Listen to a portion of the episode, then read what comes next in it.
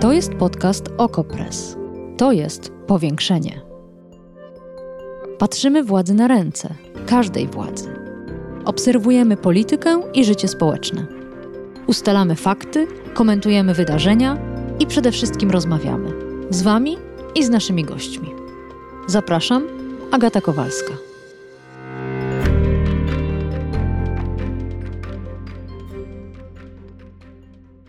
Ależ mnie zasypaliście propozycjami tematów do podcastu. Nie wiem, kiedy ja to wszystko zrealizuję, ale zrealizuję i czekam na następne pomysły. Niedługo już w ogóle nie będę musiała się zastanawiać, o czym warto powiedzieć w powiększeniu. Po prostu otworzę maila, zajrzę do skrzynki, a tam będą czekały kolejne świetne pomysły. Bardzo, bardzo, bardzo dziękuję i oczywiście zapraszam do pisania. agata.kowalska oko.press to jest mail, który codziennie sprawdza.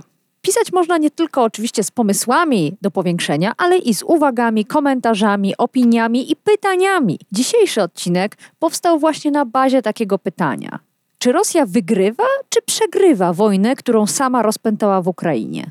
Sprawdzimy to dzisiaj w powiększeniu.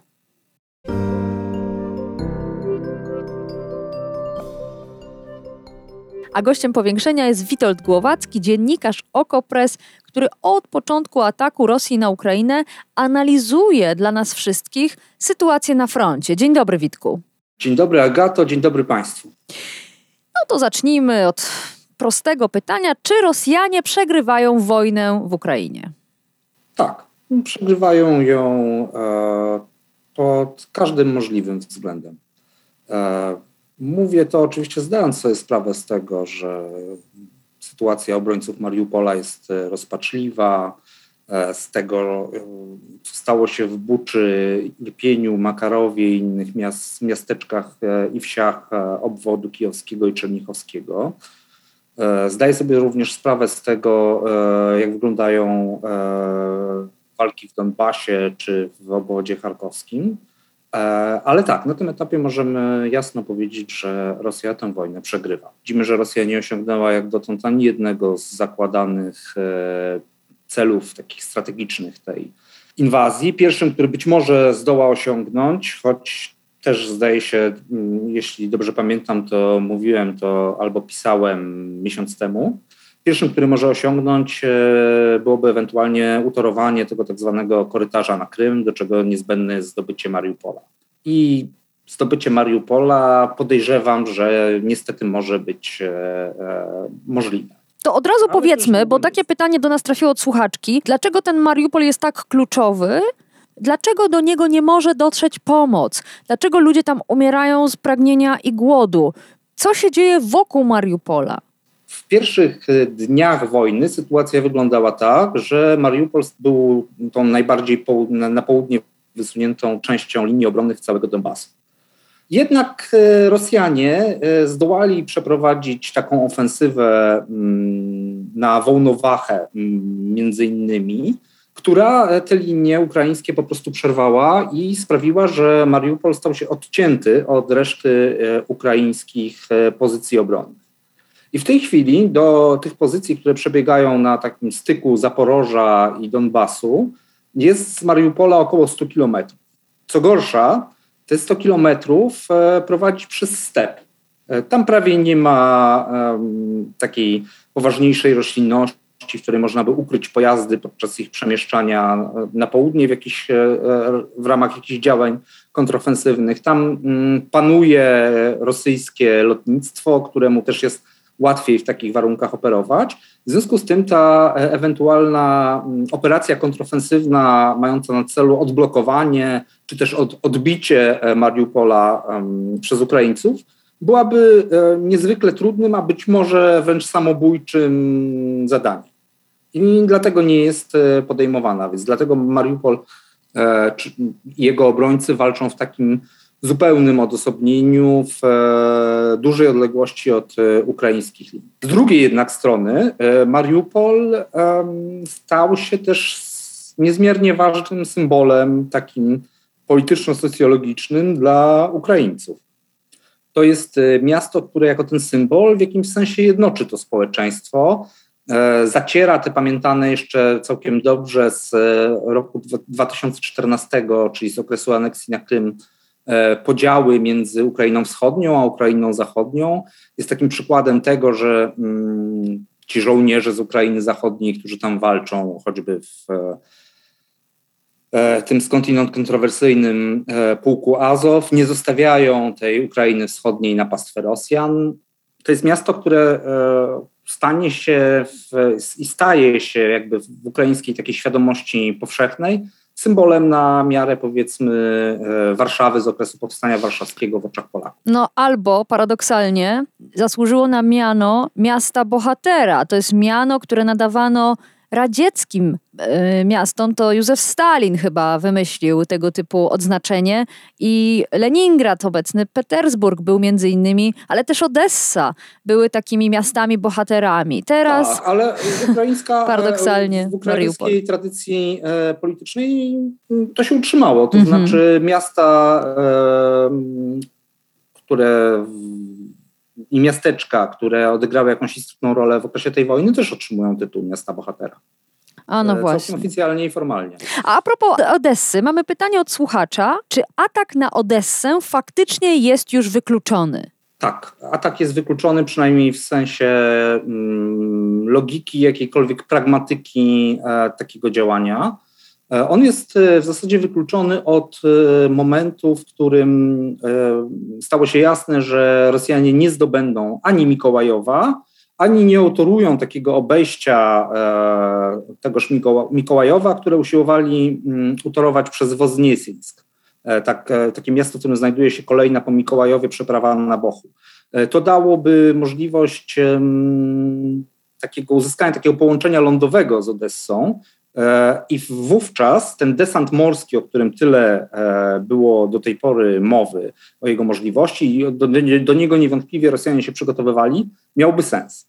Ale e, wysadzenie tam samego desantu morskiego mm, nie miałoby sensu w ogóle, dlatego że te 7 do 9 okrętów desantowych, którymi dysponuje Rosja, mogłoby naraz wysadzić tam no już przy takiej, jeżeli zabrali mało pojazdów, to powiedzmy do 3000 e, żołnierzy, to nie jest e, siła, z którą nie poradziliby sobie mm, obrońcy miasta i ukraińskie siły, które tam bardzo długo pozostawały w gotowości na taką ewentualność. Taki desant morski miałby sens tylko jako element wsparcia operacji lądowej, czyli jednocześnie od Mikołajowa albo Woznisyńska musiałyby się posuwać w stronę e, Odessy batalionowe grupy taktyczne, co najmniej kilka, silnie wyposażone, wsparte e, artylerią. Wtedy miałoby to sens. Dzisiaj dochodzi do tego jeszcze jeden e, nowy aspekt. Mm, Niech zgadnę. Nie wiem, czy w rosyjskiej flocie znalazłby się taki odważny kapitan, który zechciałby teraz podpłynąć do Odessy. Pojawiają się informacje, że zniszczona została Moskwa. E, chodzi oczywiście o ruski wojenny karabl. E, jakie to ma znaczenie i cóż to ta Moskwa? Czy to też okręt desantowy? Nie, to ma ogromne znaczenie. Moskwa nie jest okrętem desantowym. Moskwa jest okrętem, który może być symbolem tej wojny i całej rosyjskiej armii i wszystkich rosyjskich e, błędów w niej popełnianych. Ona może być też symbolem rosyjskiej pychy i arogancji i zarazem rosyjskiego nieudacznictwa. E, otóż Moskwa to krążownik rakietowy, jeden z największych okrętów w całej rosyjskiej flocie i okręt flagowy floty czarnomorskiej. Okręt, e, którego obecność na Morzu Czarnym de facto nie ma żadnego większego sensu z mm, rosyjskiego punktu widzenia, z punktu widzenia takiej pragmatyki mm, wojskowej, dlatego że to jest okręt, który w czasach sowieckich został zaprojektowany do zwalczania amerykańskich lotniskowców, ale nigdy nie osiągnął mm, realnej zdolności do tego, żeby choćby spróbować zwalczać amerykański lotniskowiec. E, dlatego, że e, nigdy nie zamontowano, nie, Rosjanie po prostu nie dorobili się takiej technologii, nie zamontowano do niego odpowiednich radarów, systemów naprowadzania, e, kierowania ogniem i dowodzenia, które pozwoliłyby temu okrętowi zaatakować rakietami mm, lotniskowiec amerykański z na tyle bezpiecznej odległości, żeby nie zniszczyło go kilkanaście okrętów wchodzących w skład osłony tego e, lotniska. Ale mimo to, grupy uderzeniowej. ale mimo to mówisz ty, że to jest bardzo ważny y, okręt symbol, a jednocześnie widzę, co się dzieje w internecie. Hasło e, Morze Czarne, wojenny karabl, Moskwa jest po prostu na górze najchętniej czytanych tekstów dzisiejszego dnia. Więc dlaczego on jest taki ważny, skoro mówisz, że bezużyteczny? Bo jest okrętem flagowym floty czarnomorskiej. E, Rosjanie utrzymują ten okręt kosztem wielkich sił i środków, dlatego że jest wielki i straszny. Co więcej, to jest e, e, ten sam okręt, który znamy z historii o Wyspy Węży. To właśnie z pokładu krążownika Moskwa wzywano obrońców do poddania się i to mm, krążownik Moskwa usłyszał tę cudowną i znaną nam wszystkim e, odpowiedź, gdzie ma się udać. Po trzecie, e, ten okręt jest wielki i straszny, nazywa się Moskwa, a nie na przykład Leningrad lub e, Petersburg lub mm, jakbyśmy tam chcieli, więc ma też dla Rosjan oczywiście takie znaczenie symboliczne, ale powtórzmy sobie raz jeszcze, e, właściwie nie trudno znaleźć uzasadnienie takie logiczne, dla którego Rosjanie wydają pieniądze akurat na e, paliwo, e, pożywienie 500-osobowej załogi. I mycie pokładów. No jasne. Tak, mycie pokładów akurat w warunkach tej wojny, która tak bardzo im nie idzie. Dlaczego wydawali to wszystko na akurat krążownik Moskwy? Ale, ale wciąż nie przesądziliśmy, czy on rzeczywiście został zniszczony i jak to się udało. Wiemy dużo na temat tego, jak to się udało. E, czy on został zniszczony całkowicie, w sensie zatopiony? Mm, trudno powiedzieć, chyba raczej nie. E, śledźmy doniesienia na ten temat, bo tak, również tak może się stać. On został trafiony nie mniej, nie więcej, tylko dwiema e, rakietami przeciwokrętowymi, bardzo zaawansowanymi, produkcji ukraińskiej, które nazywają się Neptun. Te rakiety Ukraińcy zaczęli projektować zaraz po 2014-2015 roku i one osiągnęły swoją taką wstępną gotowość. Powstała prototypowa bateria mniej więcej w grudniu, może styczniu, e, w okresie bezpośrednio poprzedzającym wojnę. Z jakichś przyczyn Ukraińcy dotąd ich nie używali, ale e, jeszcze przed wojną mieli zaplanowaną dostawę pierwszego dywizjonu już w pełni mm, gotowego tych rakiet przeciwokrętowych e, na wiosnę.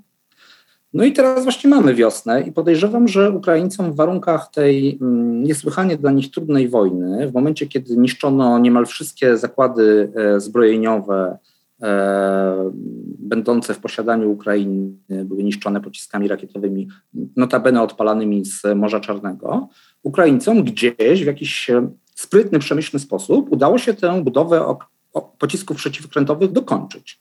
Od tej chwili zmienia to e, reguły gry na Morzu Czarnym, bo e, zasięg pocisków Neptun wynosi do 300 km i nie sądzę, żeby Rosjanie ryzykowali w tej chwili podchodzenie do brzegów Ukrainy na e, bliższą niż ten zasięg odległość po tym doświadczeniu z z Moskwą. Udało się dość łatwo oszukać systemy obrony przeciwlotniczej krążownika Moskwa.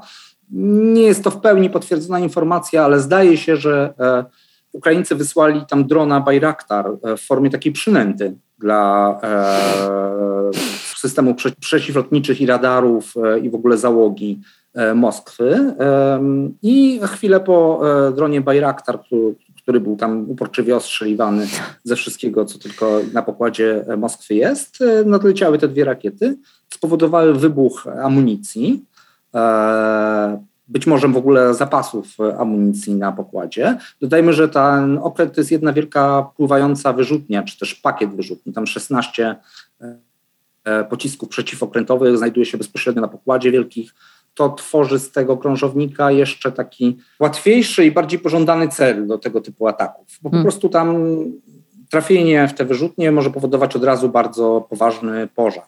Nie sądzę również, żeby cała załoga, Rosjanie twierdzą, że zdołała się ewakuować, nie sądzę, żeby to było możliwe, żeby e, nie było tam strat. No tak, no tak, no to jest wojna. No dobrze, to brzmi wszystko szalenie optymistycznie, E, na początku powiedziałeś, że tak, Rosjanie przegrywają tę wojnę pod każdym względem, ale jednocześnie dowiadujemy się niemal codziennie o kolejnych miastach, miasteczkach i wsiach, w których dochodzi do rzezi. Czy to nie jest jednak dowód na to, że Rosjanie osiągają swój cel? Być może tym celem nie jest podbicie Ukrainy, ale wyniszczenie Ukrainy, wymazanie Ukraińców i Ukrainek. I wtedy y, można by pomyśleć, że to są ich sukcesy. Nie, ponieważ celem Rosji było jednak przyłączenie do mm, państwa rosyjskiego tej części Ukrainy, która ich zdaniem do tego się socjologicznie nadawała, przez to, że y, rosyjskojęzyczna ludność y, miała być zdaniem mm, rosyjskich analityków nadal podatna na, na, na myślenie o jakimś więzi łączności z Rosją. E, to się okazało zupełnym absurdem. E, okazało się tym absurdem także przez to, że e, Ukraińcy bardzo uważnie obserwowali mm, los na przykład mieszkańców Donbasu i obu samozwańczych republik jeszcze przed wojną. Mm, widzieli, jaki ten ruski mir wprowadzony w Ługańskiej i Donickiej Republice Ludowej przyniósł efekty, a przyniósł biedę, przyniósł takie maleńkie pseudopaństewka mafijne rządzone w stylu Naddniestrza, pełne przestępczości takiej zorganizowanej, handlu mm, wszystkimi możliwymi e, zakazanymi substancjami, handlu ludźmi. No, ogólnie rzecz biorąc, e, ruski Mirs przyniósł w Donbasie, w obu samozwańczych republikach, e, koszmar i biedę. Ukraińcy to widzieli i także dlatego stali się tak mało podatni na myśli o tym, że mogliby stać się obywatelami Rosji i rosyjskiego państwa.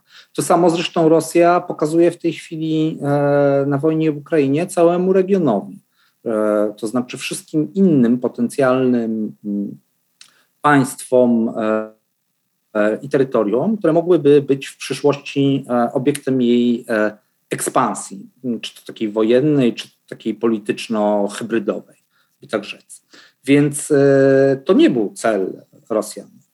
Gdyby zresztą, gdyby e, celem Rosjan było zniszczenie Ukrainy, prawdopodobnie próbowaliby się przygotować do tej e, wojny w tym, w tym momencie totalnej zupełnie inaczej niż się przygotowali. Przygotowywali się do tej operacji cudzysłów specjalnej, która miała się skończyć zajęciem całości Donbasu, zajęciem być może Charkowa i obwodu charkowskiego, zajęciem być może Sumów, E, i zmianą władzy w Kijowie. I oczywiście utorowaniem tego e, nieszczęsnego korytarza na Krym razem mm, z aneksją e, obwodu hersońskiego przynajmniej.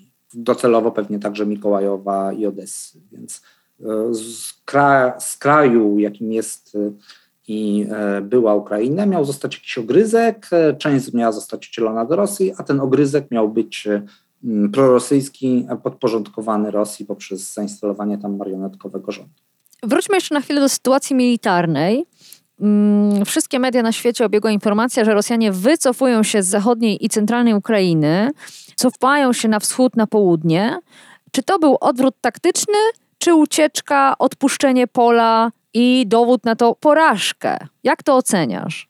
Tak, oczywiście, że to był dowód na e, porażkę i w jakimś sensie to było też jedyne logiczne wyjście. E, Rosjanie, kiedy zaatakowali Ukrainę, operowali nawet na dziewięciu różnych tak zwanych osiach operacyjnych. Operowali tymi siłami, jakie mieli, które wynosiły około 150 tysięcy żołnierzy i były znacząco niż, niższe od e, stanu osobowego ukraińskiej armii e, w dniu wybuchu wojny. To się nie mogło udać w momencie, kiedy ta wojna przerodziła się w pełnoskalowy konflikt po prostu no, nie ma szans, by bez przewagi, takiej potężnej przewagi ilościowej i sprzętowej e, prowadzić tę wojnę w ten sposób, atakując w tylu różnych kierunkach. Więc na coś Rosjanie musieli się ostatecznie zdecydować. Odpuszczenie mm, całej północnej części Ukrainy, nie tylko Kijowa, ale też obwodów Czernichowskiego i Sumskiego oraz części obwodu Charkowskiego, Mm, było chyba jedynym takim względnie logicznym wyjściem, bo teraz mogą używać całości swych sił no, na dwóch frontach, tak? Na, na, tym froncie południowym i na froncie rozciągającym się od Donbasu po południowy e, obszar obwodu charkowskiego. Czyli twoim zdaniem oni już nie wrócą do centralnej Ukrainy? W tej chwili nie mieliby za bardzo jak wrócić, kim i czym i Mm, którędy. Dlatego, że e, Ukraińcy też już e, od e, pierwszych chwil po wycofaniu się Rosjan przygotowują do ewentualnej obrony cały obwód kijowski i czernichowski. Tam powstają jakieś nowe linie obronne. Tam wciąż operują ukraińskie jednostki z, ściągnięte z zachodu, także te z, z zachodu oczywiście Ukrainy, także te zmobilizowane w ramach powszechnej mobilizacji, czy też rozwinięte podczas powszechnej mobilizacji, która przecież trwa od pierwszego dnia wojny. Te obszary są w tej chwili całkiem nieźle przez Ukrainę zabezpieczone, co nie zmienia faktu, że część jednostek również została przez armię ukraińską relokowana na ten obecny obszar e, frontu i e, obszar, w którym toczą się walki. Czy w takim razie ta wojna z wojny w Ukrainie zmienia się na wojnę w Donbasie i okolicach? i taka już będzie trwała przez długi, długi czas, czy też masz może w głowie jakiś scenariusz zupełnie innego rozwoju sytuacji? E, to jest rzecz, nad którą się bardzo dużo i często zastanawiam i trudno mi to przesądzać. To znaczy, ja nie wiem skąd się wśród części analityków i ekspertów bierze takie przekonanie, że E, tak, że teraz ta wojna przybierze taki pozycyjny charakter i będzie trwała e, latami, e, zwłaszcza w Donbasie czy na pograniczu Donbasu. No bierze się między innymi stąd, że uważa się powszechnie, że Putin nie odpuści, że to jest jego obsesja, że to jest jego cel polityczny, wizerunkowy, wszelki i choćby miał tam tkwić do końca życia swojego lub Ukrainy, to będzie tkwił taki, taki jak no. rozumiem, jest wyjaśnienie, ale ty masz wątpliwości, to bardzo mam nadzieję, że masz rację. Jakie? Rosja ponosi ogromne straty. E, straty także w e, sprzęcie i tych zasobach, e, powiedzmy takich jak pociski manewrujące, pociski balistyczne. To nie są straty, tylko to jest zużycie. Natomiast to nie są rzeczy do łatwego i szybkiego odtworzenia. Używane w tej wojnie są przez Rosję także ogromne zasoby amunicji. Też bym się zastanawiał, czy Rosja dysponuje mm, zapasami pozwalającymi na e, i możliwościami produkcyjnymi pozwalającymi na utrzymywanie konfliktu o takim natężeniu e, latami. Ukraina ma z kolei ogromne wsparcie ze strony Zachodu. Myślę, że jeżeli chodzi o właśnie dostawy takich takich środków e, jak amunicja, paliwo, etc., można to liczyć e, bardzo, bardzo długotrwale. Mm, teraz mamy do czynienia z kolejną falą zaopatrywania Ukrainy w sprzęt e, wojskowy i to już taki ofensywny mm, od ciężkiej artylerii przez już elementy lotnictwa, mm, te śmigłowce zadeklarowane przez Stany Zjednoczone, te, o których się przebąkuje w kontekście e, krajów e, e, Europy Wschodniej. Myślę, że perspektywa tego, że na Ukrainę trafią w końcu również samoloty myśliwskie, też już nie jest taką zupełną mrzonką ani, mm, ani abstrakcją i to się może stać za jakiś czas. Nie wiem, czy Putin, mimo swej złości, wściekłości, determinacji i chęci do prowadzenia tej wojny za wszelką cenę, będzie miał do tego wystarczający zapas krążowników Moskwa. Witold Głowacki, dziennikarz Okopres, który od początku wojny w Ukrainie śledzi dla Państwa sytuację na froncie i jak słychać, pozostaje optymistą i oby, oby miał rację. Bardzo dziękuję za spotkanie. Bardzo dziękuję, dziękuję Państwu.